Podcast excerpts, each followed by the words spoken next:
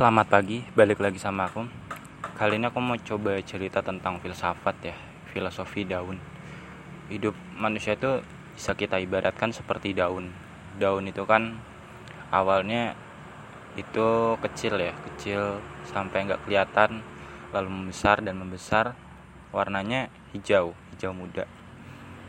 Itu menandakan bahwa kita tuh masih seger, masih kuat, masih waras, kayak anak umur 20-an, 30-an, 40-an, 50-an itu masih seger, kuat.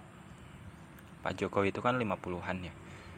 Atau siapa pun yang umur 50-an tuh masih kuat lah untuk kalau mau melakukan pekerjaan anak 20, 30, 40 itu masih kuat. Tapi daun itu nggak selamanya hijau. Tapi dia juga mulai menguning, menguning artinya udah mulai mau mati itu daun menguning coklat.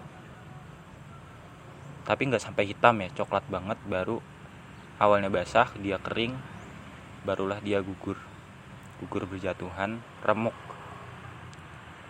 60-an udah apa ya udah mulai berkurang kekuatannya 60-an jadi 60-an tuh biasanya orang-orang udah pensiun udah mulai lupa sama materi udah mulai pensiun 70-an udah mulai menemui ajalnya.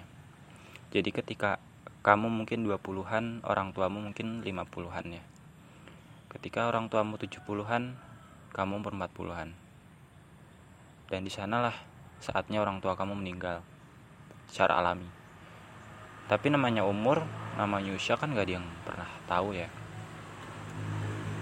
Sama halnya daun. Daun itu nggak semuanya seperti yang aku sebutkan dari kecil membesar warna hijau kuning coklat lalu gugur.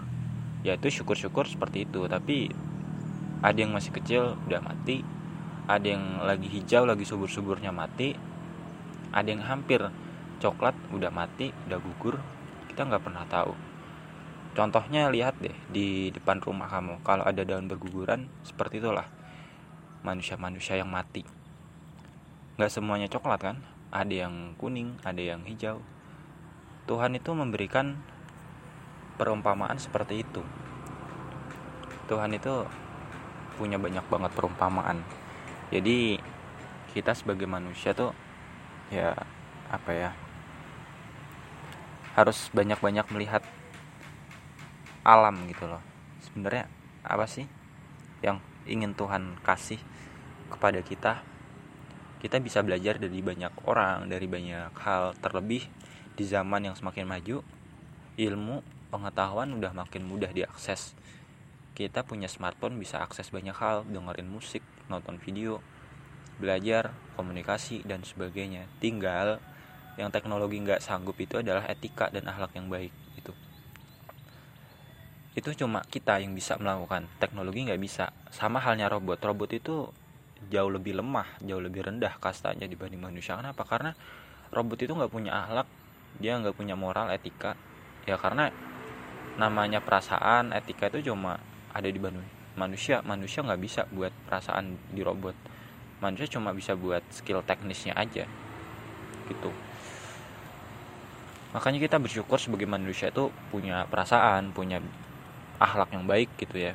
Bisa berpendapat dan sebagainya robot nggak bisa berpendapat kayak kita. Robot nggak bisa jadi aktivis. Tapi manusia bisa melakukan segalanya. Robot nggak bisa menghancurkan manusia tapi manusia bisa hancurkan robot.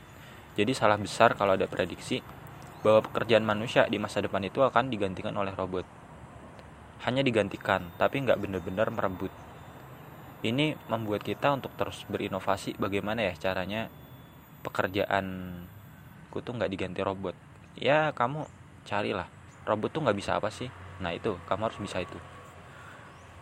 Kembali lagi soal daun. Daun itu ada berbagai macam ya. Misalkan daun tanaman hias. Tanaman hias itu beda dari daun-daun biasa. Tanaman hias itu biasanya hijau sepanjang tahun. Dia itu kalau gugur ya lama siklusnya. Nggak secepat kayak daun mangga daun apa gitu. Karena emang tanaman hias digunakan untuk menghibur memberikan hiburan buat orang melihatnya. Orang jadi lebih seger jadi lebih semangat. Jadi kalau kamu mau usia panjang jadilah seperti tanaman hias daun tanaman hias. Dia indah dia berhasil memanfaatkan potensinya sehingga dirawat banyak orang di rumah-rumah di kantor perusahaan. Itu nggak mudah layu. Beda sama daun biasanya ya. Dan biasanya tuh gampang banget mati gampang layu tapi kalau daun tanaman hias dia akan selalu ada sepanjang masa. Susah untuk layu. Tinggal pilih kamu jadi orang biasa atau jadi orang yang luar biasa seperti tanaman hias